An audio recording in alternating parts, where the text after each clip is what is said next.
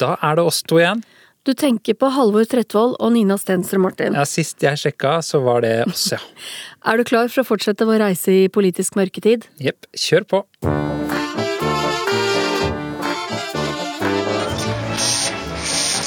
Right now, the world is a mess. Le terrorisme, c'est le fondamentalisme islamiste. 지성대 지성 중장거리 전략한 듯한 Well, Norway will just will have to understand that uh, becoming a forefront of NATO, it will uh, face Russia.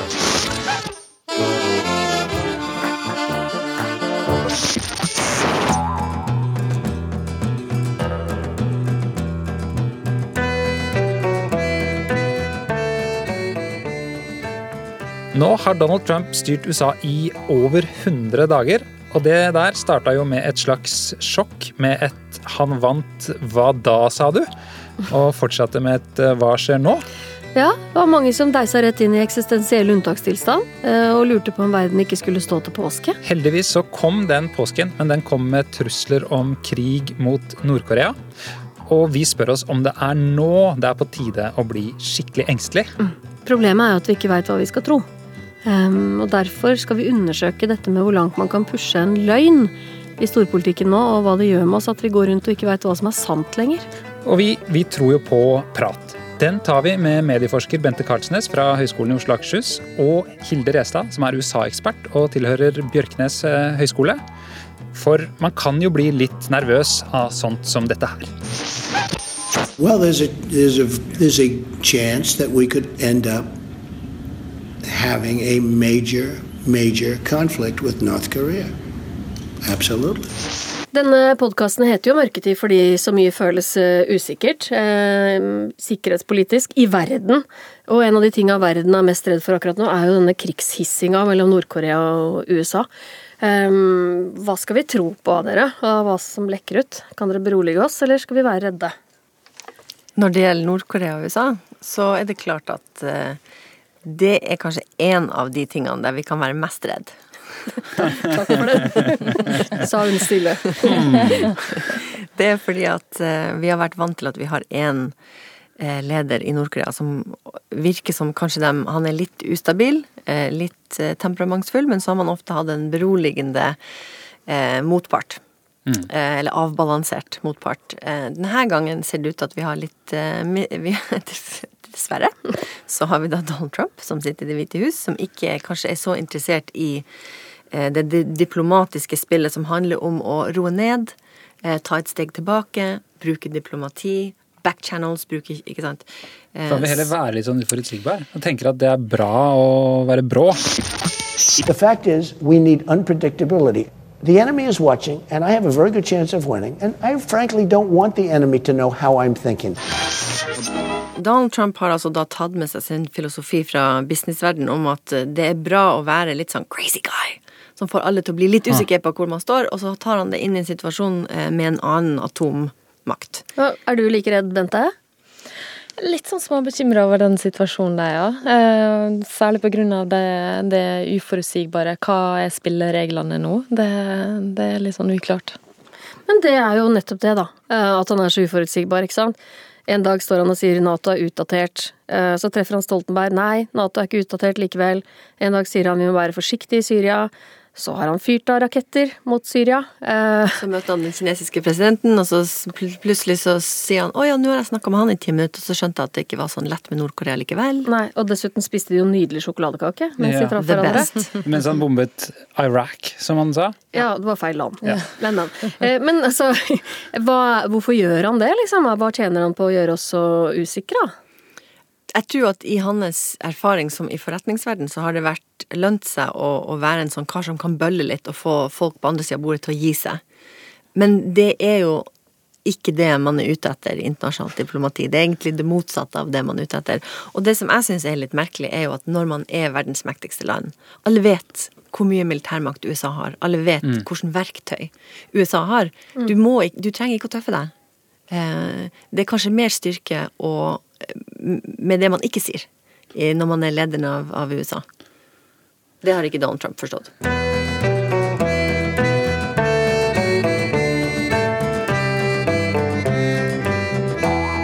going to make America great again. It's going be easy. It's going be easy. It's, so, it's going to be easy. It's very easy to be presidential. I have great people. we have top, top smart people. But it's so easy to do. We have drugs, we have debt, we have empty factories. That's going to end. That's going to end. So easy. So easy to solve. Believe me, the jobs are coming back, folks. That's going to be so easy. This is so easy. I want to jumpstart America, and it can be done. And it won't even be that hard. Han har hatt en bratt læringskurve, kanskje?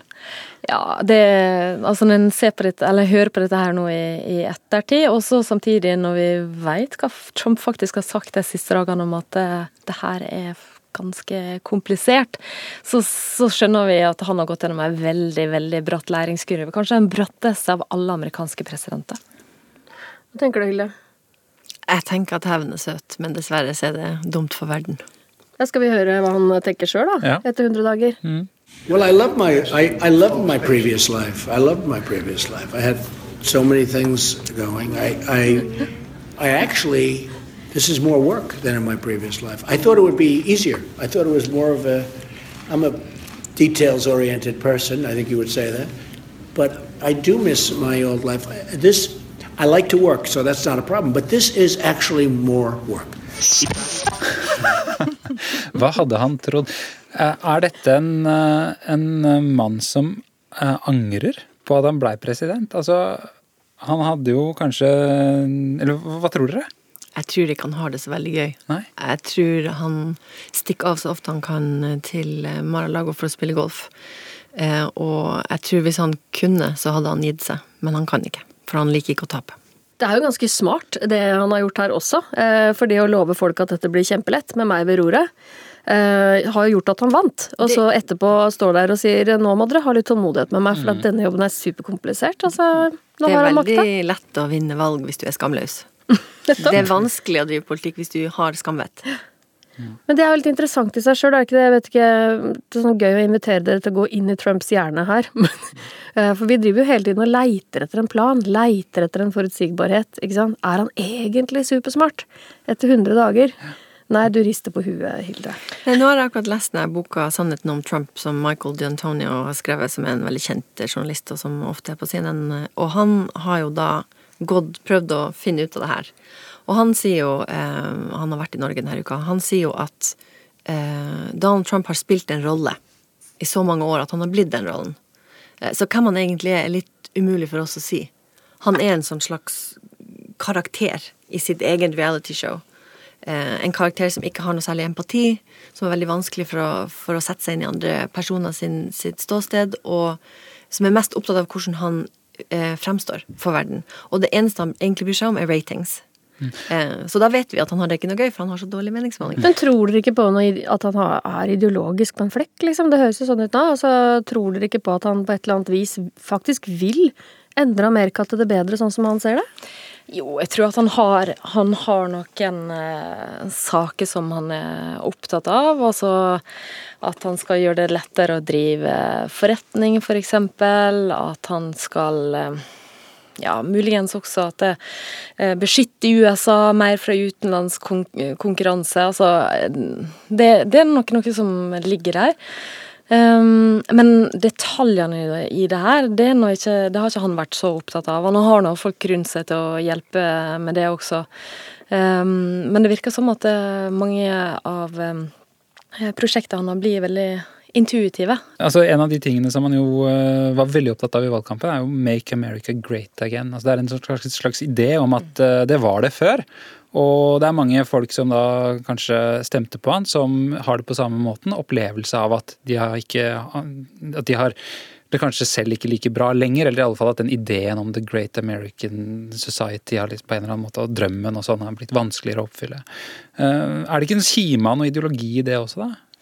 Jo, så tenker jeg at Der ser vi noen likhetstrekk både med USA, med Storbritannia, med Frankrike. Altså, eh, Hvis en tenker på litt sånn argumentasjon rundt UKIP og eh, front, altså Marine Le Pen, Front National, så, så går det igjen på dette med å gjenskape en sånn her eh, flott fortid, eh, stormaktstid. Ja. Eh, ting har endra seg litt, land har ikke utvikla seg i riktig retning, har blitt utkonkurrert av eh, asiatiske land, men nå skal noen disse her eh, eh, politiske lederne som har ganske enkle løsninger, nå skal de komme inn og eh, eh, bygge opp igjen den æra. Eh, Så jeg tenker at vi ser noen sånn likhetstrekk hos en del av disse her eh, populistiske lederne rundt dette her, den, den ærefulle fortida, og hva grep som skal til for å gjenreise den. Det er vel et faktum at det også er en del folk som ikke har fått være, altså som har blitt eh, hengende etter, som er left behind, og som, som da kanskje har en legitim grunn til å være irritert og sinna på den utviklingen som har foregått. da.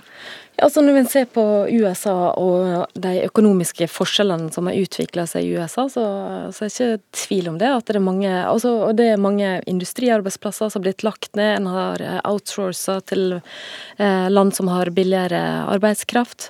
Så at det, det er legitim, den misnøya, det, det er ikke tvil om. Og det gjelder også i mange europeiske land. Men, men vi gjør eh, Vi debatterer det her på, på populismen sine premisser hvis vi bare snakker om økonomi. Eh, fordi at det er ikke nødvendigvis det økonomiske aspektet som gjør at folk stemmer på populistiske partier. Nei. Det er like så viktig å snakke om eh, eh, rasisme, identitet og kultur. Eh, fordi at det er jo ikke sånn at eh, de fattige i USA stemte på Donald Trump. Mm. Eh, det er veldig klare skiller mellom ulike grupper, eh, gjerne basert på hudfarge. Ja, og, og, og sentrum-periferi, altså om du bor i, bor i byen eller på, på landsbygda osv. Det Og også være utdanningsnivå tror jeg ja, også var en ja, da, sentral stemmer. faktor. Ja. Sentrum-periferi ofte også eh, overlapper med hudfarge. Um, Så det, det her er en mer komplisert sak, og her igjen kommer Steve Bannon inn. Eh, Fordi at eh, han er jo da en del av det radikale høyre i det, i det republikanske partiet, som har vært ekstremt opptatt av det her med eh, etniske grupper, innvandring, den egentlige amerikanske identiteten og kulturen. Og Steve Bannon, det er han med Breitbart News, det her eh, mediekonglomeratet på ytterste, eller mediekonsernet på ytterste høyreside i, i USA. Og det som gjør oss redde, folk flest redde med Trump, er jo ikke bare den uforutsigbarheten vi har snakka om, men at han ikke ser ut til å ta fem øre for å ljuge. Og har erklært krig mot liksom de vanlige, tradisjonelle mainstream-mediene. Og Mm. dermed liksom ødelegger eh, skal man si, et samfunns mm, evne til å snakke om seg sjæl. Til å diskutere politikk på en fornuftig måte. Ja, fordi vi ikke klarer å skille sannhet fra løgn lenger. Eh, og alt det der kommer jo fra et sted.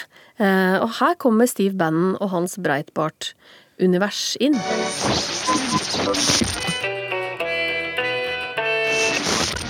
Den på det store NRK-huset som kan aller mest om Steve Bannon, er deg, Nina Kammersten. Du kaller deg altså banonofil. Men når, våk ja, når våkner den politiske Steve Bannon egentlig? I 1979. Altså 4. november så stormer altså omtrent 500 iranske studenter den amerikanske ambassaden i Teheran eh, og tar altså 52 amerikanere fanget og holder dem fanget inne på ambassaden i 444 dager. Dette skjer mens Jimmy Carter, demokraten, er president. Han forsøker i, altså i 444 dager å løse denne gisselkrisen.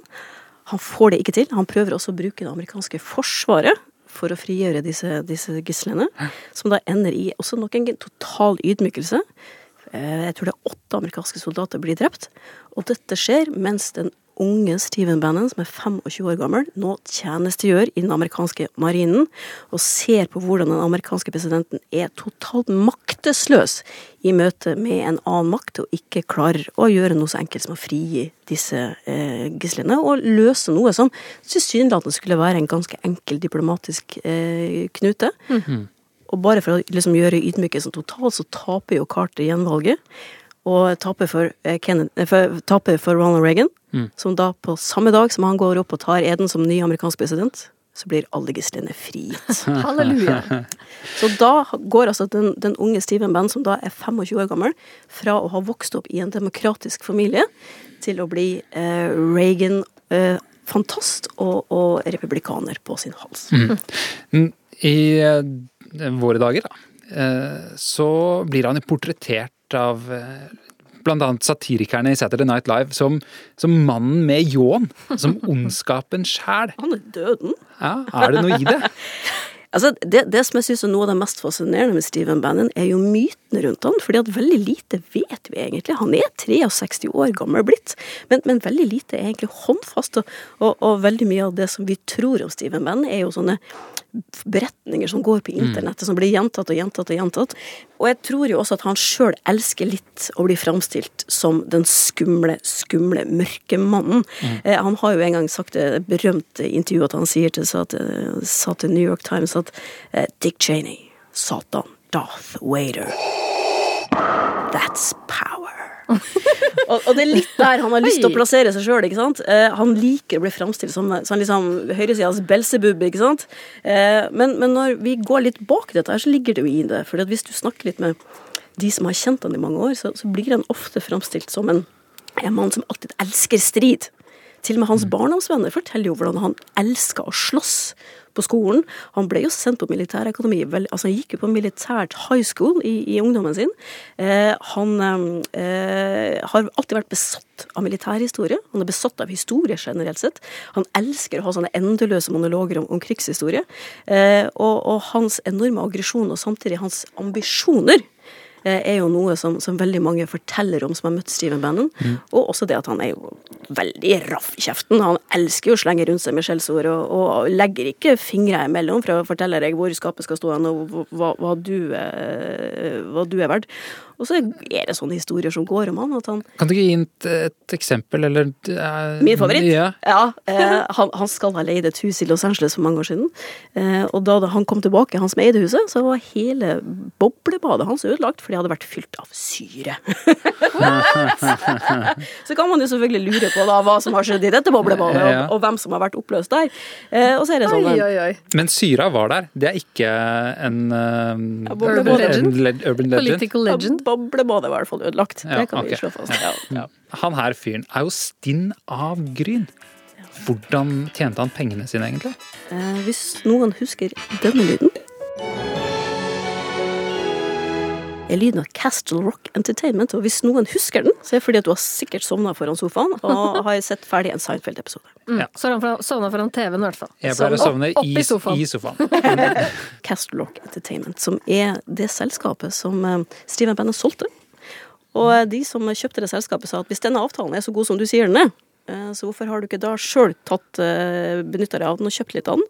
Så Steven Bannon kjøpte litt av uh, Castle Rock Entertainment, og dermed så har han tjent vanvittig mye penger på så, hver Seinfeld-episode som er solgt. Han tjente seg styrtrik på 90-tallsironi, og så er han blitt da Belsebub for høyresida i Trumps administrasjon. Det foregår en veldig sånn spennende kamp nå om Trumps øre. Ja. Eh, om å være liksom den Trump lytter til og lar seg styre av. Før i verden så hadde man jo kremnologi. Altså Man prøvde å tolke alt som, alle hint som kom fra Moskva under sovjettida og sånn. Nå har vi, jeg og Halvor, funnet ut at vi har en slags maralogi. En... Maralologi. Maralologi. Som er en slags ja. Omvendt kremlolo... kremlologi? Ja. Vi prøver hele tiden å tolke hva enn som kommer ut av Mar-a-Lago, der Trump uh, holder hus, da. Når han ikke har det, det hvite. En forskjell er jo at da var det helt tyst i, i gamle Sovjettida. Her er jo heller uh, det, det, motsatte tilfellet, nemlig at det raser ut med lekkasjer. For det er åpenbart at her er det fløyer internt som ikke er så glad i hverandre. Men hvem er de fløyene som kjemper om uh, Trumps øre? Er nå det begynner å bli litt morsomt, fordi at uh, det, det er radikale høyre, som blant annet Steve Bannon og Breitbart News og Alex Jones og Infowars er en del av, uh, dem er jo én fløy. Uh, som veldig ønsker å kontrollere Donald Trump og ha mest å si Det hvite hus. Men så har du også selvfølgelig da det, det typiske det, det Eisenhower kalte for the military industrial complex. Som faktisk gode, er der. Gamle. Det gode gamle, eh, representert ved forsvarsminister Mattis, eh, nasjonal sikkerhetsrådgiver McMaster, eh, og en del andre i Det hvite hus. De framstår som, som, de voksne? De er, de, de er, de eneste voksne i rommet. Mm. De blir jo kalt det, gjør de ikke det? The adults. De blir ofte referert til som de voksne. Nå snakker jeg litt mer om utenrikspolitikk, da. Hvem som ønsker innflytelse i utenrikspolitikk. Og så har du da en tredje, litt uvanlig faktor, som er da Trumps familie. Mm. Det er den mer nepotistiske eh, biten av det her. Eh, og det er veldig Ivanka med ektemannen. Ja. Eh, og da er det spørsmål eh, hvem er det som egentlig kontrollerer Donald Trump? Er det Jared Kushner, eller er det Steve Bannon? Ja, og så har vi fått høre at eh, nå må Steve Bannon dempe seg litt. Eh, Jared Kushner var på ferie med, med familien, og da hadde Steve Bannon holdt en liten lav profil. Men det kan virke som at det var Bannon som fikk påvirke Trump mest i begynnelsen, og nå er det kanskje Jared Kushner som har fått lov til å påvirke mer i ettertid. Nå er, nå er det marologi på gang, føler jeg. Han har høy stjerne hos svigerfar, og det holder. Ja, altså det er jo det Steve Venn er sikkert klar over. At uh, Steve Venn kan bli sparka, men Jared Kushner må skille seg fra Ivanka før han forsvinner fra Det hvite hus. Uh, så det er klart at Kushner og Ivanka står, har en mye sterkere posisjon. Og det er jo også rapportert at en av grunnene til at Donald Trump bomba Syria, var fordi at Ivanka uh, snakka med han om de her barna som var utsatt for det det kjemiske våpenangrepet. Men er det er, har, vi, har vi da tolka marologien eller hvite husologien eh, rett? Eh, Mon tro, liksom? Klarer han å ha to tanker i huet på en gang og lytte til begge disse gruppene, eller er det nå sånn at bandens gjeng er liksom litt ut, og Kushners gjeng er litt inn? Jeg tror det er litt uklart nå. altså Det er litt sånn stillingskrig, virker det som.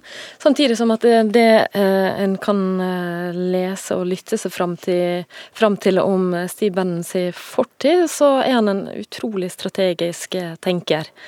Så eh, jeg ser for meg at han kanskje omposisjonerer litt for å kunne sette seg i en bedre posisjon. For det å bli skvisa ut Jeg kan ikke skjønne at det, det vil være i hans interesse. Han ønsker å påvirke politikken. Han, ja, han, hvordan har han klart å feste dette grepet om Trump? da? Du sier at han er en strategisk type som har jobba lenge eh, for å komme til den makta han nå har. Ja, så, sånn som Nina Kammersten eh, fortalte, at en har ikke klart å identifisere akkurat når de møtes. Det, det vet jeg ikke heller. Men vi vet at de har møttes ved flere anledninger, og blant annet at eh, Trump ved flere anledninger har blitt intervjua av eh, Steve Bannon i eh, News, og det er som jeg kan gå inn og lese og lytte på i dag. we were mocked and ridiculed and you know that what what are you guys doing this is a, a joke in fact the sunday show tom tom rose and gary bauer tell the story how they were laughing at me when i was saying hey this guy trump is going to be this is going to be very serious so it's uh, it's good to see that you're in the in, in the heat of combat now Well, you know, I remember that well, and oftentimes with you, especially because I'd always mess up my hair when I put those big microphones around. You know, you'd always say, "Oh, could put them on?" So I'd mess up my hair, which is fine. But I, I remember that you looked and you said, "Boy, those are big crowds you're getting. You have more than anybody else by far." Og da, da, da kan en få en sånn følelse av relasjon mellom dem, og hvordan de snakker, og også hvordan eh, Steve Bannon eh, kanskje påvirker, eller prøver å påvirke Trump. Mm, De prøver jo også å påvirke eh, folk gjennom eh, mediene, virker det som. Og de sier ting som eh, henger nøye sammen med sannheten, og ting som henger litt løsere sammen med, med sannheten. Hva, eh, hva er det drøyeste dere har sett som er kommet ut av det fra denne gjengen? Det, en av de tingene som er så farlig med Trump og Bannon, er at det vet vi ikke. Eh, men det var akkurat en reportasje i Politico hvor de hadde intervjua folk som jobber i pressekontoret til Det hvite hus. Hvor de her idiotene i pressekontoret sa til reporterne i Politico at de driver og fòrer løgner til eh, eh, presse... Eh, journalistene i Det hvite hus hele tida for å se hva de kan få dem til å skrive. Jeg blir så usikker at jeg tenker kanskje det også er en løgn. Hvilket da bare er med på å undergrave tilliten til de her viktigste institusjonene, som igjen er en del av en strategi som vi vet at Siv Venn eh, er veldig, ikke er så veldig opptatt av liberalt demokrati Mm. og lover og regler. Og da er jo en del av det å da undergrave tilliten til de her institusjonene. Men, før vi bare, jeg må bare spørre om en ting. For Vi kaller det en løgn. Men er det ikke en definisjon på en løgn? er jo at man vet at det ikke er eh, sant, da. Eh, når man sier det.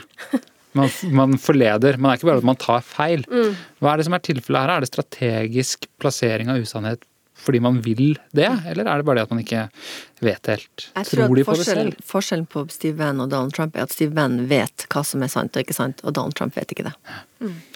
Men også kan jeg også eh, forstå dette her, eh, litt det gamle begrepet propaganda. Altså at en framstiller virkeligheten på en måte som passer med sitt eh, verdensbilde. Og en kan også se på Breitbart som en politisk verktøy. Altså det er ikke, eh, det er ikke objektiv eh, nyhetskanal, dette er et politisk verktøy.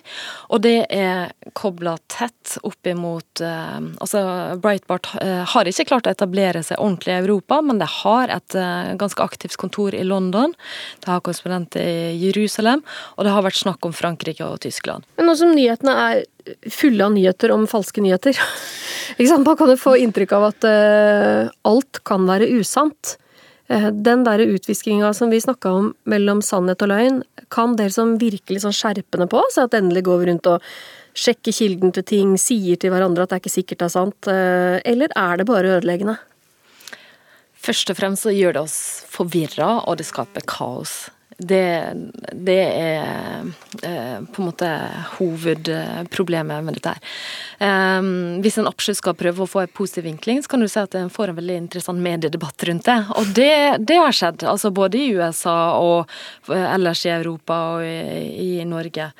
Men jeg skjønner ikke helt hva tjener man på det, når du, når du forteller som ok, at man har kanskje da litt satt på spissen en konkurranse om og hvilke falske nyheter kan vi få servert folket vårt? Hvorfor gjør man det mot sin egen befolkning? Et konkret eksempel som er veldig kjent, det er nå hele den debatten rundt Obamas Obama fødselsattest. Som da Trump begynte å stille spørsmålstegn ved i 2011, Mm. og det er en debatt som bare surra og gikk. Eh, Og i 2016 så innrømte Trump at eh, ok, det stemmer nok at Obama er født i USA. Og da var det mange av, bl.a. i nettstedet Infowars, som sa nei, dette her er bare fake. Og det er en debatt som har pågått kjempelenge, og en har brukt veldig masse ressurser på dette her. Mm. Og det gjør at det, sånn veldig grunnleggende ting stiller mange spørsmålstegn ved. Er, er Obama amerikansk? Ja. Eller, eller, denne enda, eller denne sinnssyke historien om at eh, Hillary og den demokratiske eliten i Washington skulle eh, bedrive eh, overgrep mot barn i, i kjelleren på en pizzarestaurant, som jo kanskje befinner seg enda hakket utenfor Breitbart og bandet og det vi snakker om nå, men som likevel fikk den helt reelle konsekvensen i den virkelige verden at en kar, bevæpnet kar med, med, med gevær, gikk inn i denne pizzarestauranten som var beskyldt for det, fordi han ville sjekke. Han ville redde barna. Mm. Men det handler også om eh, virkelighetsforståelse. Eh, altså hvem sin eh, virkelighetsforståelse skal vi tro på? Eh, og det som virker som er viktig for, eh, for Trump, og også for Steve Bannon, det er å problematisere mainstream media sin virkelighetsforståelse. Eh, og der de prøver å forklare at USA er utsatt for trusler fra veldig mange forskjellige kanter. Vi må gjøre disse tiltakene, det, det er viktig. Eh, Så det er nå å også skulle problematisere den mainstream-forståelsen. Noe av kjernen i, i bandet og Trumps suksess er dette politisk ukorrekte. Eh, hva skjer i folk når Trump smeller av salver som 'nasty woman' eller hermer etter en funksjonshemma journalist og sånn? Hvorfor virker det? Jeg vet ikke om det fungerer eh, på så veldig mange. Eh, det er tross alt veldig mange republikanske politikere som etter at alle de her tingene skjedde, åpenbart ikke likte det og tok avstand fra det. Men i det lange løp så, Han vant jo. Han vant, så vant han likevel. Eh, Det er, en, det er en, en gruppe velgere det har fungert på. Mm. Eh, Det er ikke en majoritet av den amerikanske befolkninga. Det er ikke en majoritet av hans eget parti engang. Men det er en gruppe som føler at det er befriende. Og så kan man spørre hvorfor føler de at det er befriende. Eh, Og en av forklaringene er nok at i USA så er det veldig mye fokus på det her med politisk eh, korrekthet. Og det, det husker jeg fra da jeg bodde der eh, i Virginia i syv år. Eh, og en av grunnene til det er jo at USA er et enormt mangfoldig samfunn med en veldig vanskelig historie, særlig med hensyn til eh, afroamerikanere. Eh, og da er det, når du har en veldig vanskelig historie og du har en veldig mangfoldig befolkning, så er det veldig viktig hvordan du snakker til hverandre og om hverandre. Mm. For at samfunnet skal fungere. Det er masse prat om det her i USA, er det ikke det? Altså om, om hva man kan si, om hvilke grupper og hvor langt man kan gå, Ja. og, og hva slags kan- rett man har til ikke å høre, osv. Ja, og så kan det da eh, Av og til så tas det litt langt. eh, Og jeg, eh, som en som har jobba på amerikansk universitet, har også forståelse for den konservative kritikken eh, i USA om at av og til så drar man det for langt, Mm. og så begynner man med safe spaces og trigger warnings, og så kan man ikke si ditt og datt, og ingen skjønner en spøk lenger. Så alt blir sånn fryktstyrt, da. Ja, og det forstår jeg, og det er jeg til dels enig i. Men det er en lang vei å gå derfra til, altså til en, en eh, diskusjon om hva man burde si og ikke, og hvorfor. Å hoppe frem til Donald Trumps verden, hvor Ja. meksikanere er voldtektsmenn og muslimer er terrorister, og kvinnfolk er bare objekter som rangeres fra én til ti. Men samtidig kan, en, eh, kan det også tyde på at det har fungert eh, til en viss grad blant, eh, blant hans velgergruppe, i den forstand at det, han har framstått som en annen type politiker. Mer, altså I målinger så har han framstått som mer autentisk enn Hillary Clinton, fordi at han har brukt et annet type språk. Altså Selv om han har blitt tatt i mange mange flere løgner, så har han allikevel blitt vurdert som mer autentisk, fordi at han sier ting sånn som det er, sånn som mange har eh, Rett fra levra-tankegangen, eller liksom sier det som det er. Kall en Mm. spade for en spade, ikke pakk det inn i vatt. Ja, det er ekte og ærlig. Man kan ha stor forståelse for det, for det er veldig kjedelig å høre på politikerne i USA. Og ikke minst Hillary Clinton, som jo aldri klarer å bare si noe sånn som det. Eh, verdens mest eh, hva man skal si, profesjonaliserte politiker. Det må vel være Hillary Clinton, så kontrasten ble jo også ekstrem. We assembled here today are issuing a new decree to be heard in every city, in every foreign capital, and in every hall of power. From this day forward, a new vision will govern our land. From this day forward, it's going to be only America first. America first. We must protect our borders from the ravages of other countries making our products, stealing our companies, and destroying our jobs. Nå er det det vestlige samfunnet mot eh, islam, og islam blir sett på som fascistisk, og det må vi stoppe, og alt dette her. Um, og også dette med å skulle beskytte USA, og eh, globaliseringa er et problem. Um, så um, at det er noen eh, store visjoner, og også det at han bruker en del av den krigsretorikken, sånn som også Nina Kammersten eh, bruker. At den er veldig sånn gjennomsyra. Og det har vi også hørt i kanskje særlig i den inauguration-talen. Altså veldig sånn dyster eh, visjon om eh, USA i dag, og hvor en skal bevege seg. Det virker som vi ser en slags sammenslåing av denne kulturkrigen fra 90-tallet, hvor man er veldig opptatt av identitet. Eh, hva, skal, hva det egentlig betyr å være amerikansk? Det henger sammen med innvandring, selvfølgelig, og mangfold.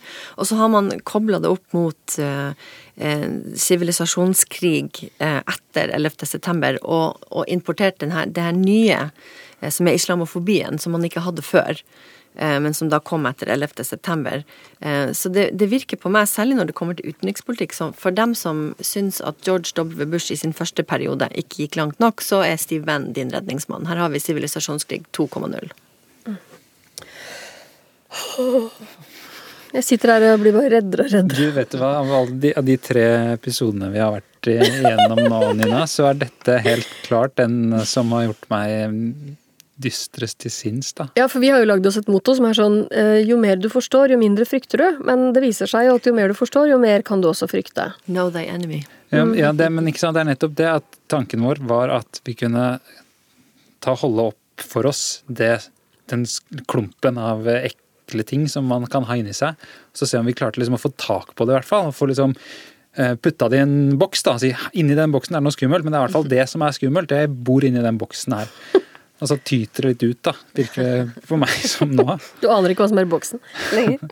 Vær i boksen. Mm. Men uh, jeg vet ikke om vi Vi er i et sted imellom opptak okay. og ikke, tror jeg. Kan vi se noe lys her? Kan vi se noe håp? Hva er det beste som har skjedd Uh, på de litt over 100 dagene siden uh, Det hvite hus ble Breitbart univers?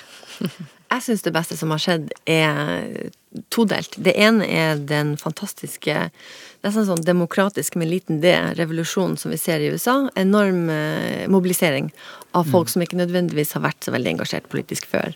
Og ikke minst så leser man om en eh, veldig økning i mennesker som melder seg i Det demokratiske partiet og vil stille til valg. Eh, Så det er en slags sånn Nå kommer eh, det er en slags grasrotrevolusjon da på gang eh, i det, i det demokratiske partiet, som en motvekt til Trump-banen. Det andre er institusjonelt. Og det er det noe USA er stolt av, så er det institusjonene sine. Og det har de fortsatt grunn til å være. Kanskje de virker, rett og slett. De, de funker så langt. Vi ser at det, i hvert fall re- rettssystemet og ikke minst eh, Kongressen i all sin herlige dysfunksjonalitet stopper mye av eh, det som kommer fra Det hvite hus. Så du sier at det er, det er håp i dårlig politisk håndverk, liksom, når du ikke får pusha gjennom ting du de vil? Det som er, ja, det som er artigst, er jo at det, den største eh, Det som stopper mest eh, Trump og Ben sin agenda, er jo det republikanske partiet i Representantenes hus, hvor de har en liten minigruppe som heter Freedom Freedom, Caucus, Caucus. ja. Ja. De som egentlig var Tea Party. Freedom Caucus. Det er dem som sitter og stopper De stopper helsereformen. Det er dem som sitter og stopper alt. Det er helt fantastisk. Litt sånn ironisk eh, når jeg satt og leste om, eh, om Harvard-tida til, eh, til Steve Bannon, så skulle det være reunion i 2010. Og da skulle alle bare skrive litt innom hva de holdt på med og sånt på, på en nettside. Eh, og da skrev Steve Bannon en del av hans sine politiske prosjekt. Den gangen drev han laga film. Men han drev også og skulle verve folk til Tea Party-bevegelsen. Og akkurat nå så er det Tea Party-bevegelsen som stopper en del av den politikken som eh, Trump prøver å gjennomføre. Så alle globalt og internasjonalt orienterte folk med liberale verdier, de kan altså nå feste det håpet som fins, til Tea Party-bevegelsen. Var det håpet? Eh, Er det ikke også noe håp i at eh, man nå ser at eh, det er en svær gjeng eh, med amerikanere som tilhører ytre høyre flanke, eh, som har legitime problemer som man også må adressere? Jo, og det, og det tenker jeg det er helt reelt. Altså, den misnøyen, vi snakka om det innledningsvis, den misnøyen er der. Men altså, det, det som må være på en måte litt av eh, veien framover, det er at det er ikke bare ytre høyre-populistene som skal levere løsningene til de som er misfornøyd. Det må også andre politiske aktører eh, adressere. Og det gjelder ikke bare i USA, det gjelder også i Europa. Altså, de blir jo heller ikke sett. Ikke? Den opplevelsen av at eh, mediene da, på kystene, Mm. eh, eller i, i, i hovedstedene i Mm. mange andre vestlige land, ikke ser de heller. Altså at deres perspektiver, deres drømmer, deres håp, deres problemer, deres liv ikke blir representert i den nasjonale offentligheten. Og at det er noe med dermed også opp, en opplevelse av å ikke bli sånn, respektert. At også mediene må gjøre noe med det. Det tror jeg kanskje Og politikerne. Eh, og politikerne, ja. Ja, men er det noen vi har snakka mer om i det siste året enn de her hvite mannfolkene ute i snakket ned, snakket om. Snakket ikke med, men snakket om. Snakket ned til, kanskje. Det, det vet jeg ikke om stemmer. Og hva er det her med at alle skal være At hvite menn får lov å være politisk ukorrekt, mens alle, må være, alle andre må være korrekt mot dem? Det er en dobbeltmoral i hele det her prosjektet Mm. som vi kan snakke mer om. Skal vi si at det er litt håp i at vi snakker om det, da? Vi får si det. Vi får, vi får si det til oss. Oi, oi, oi.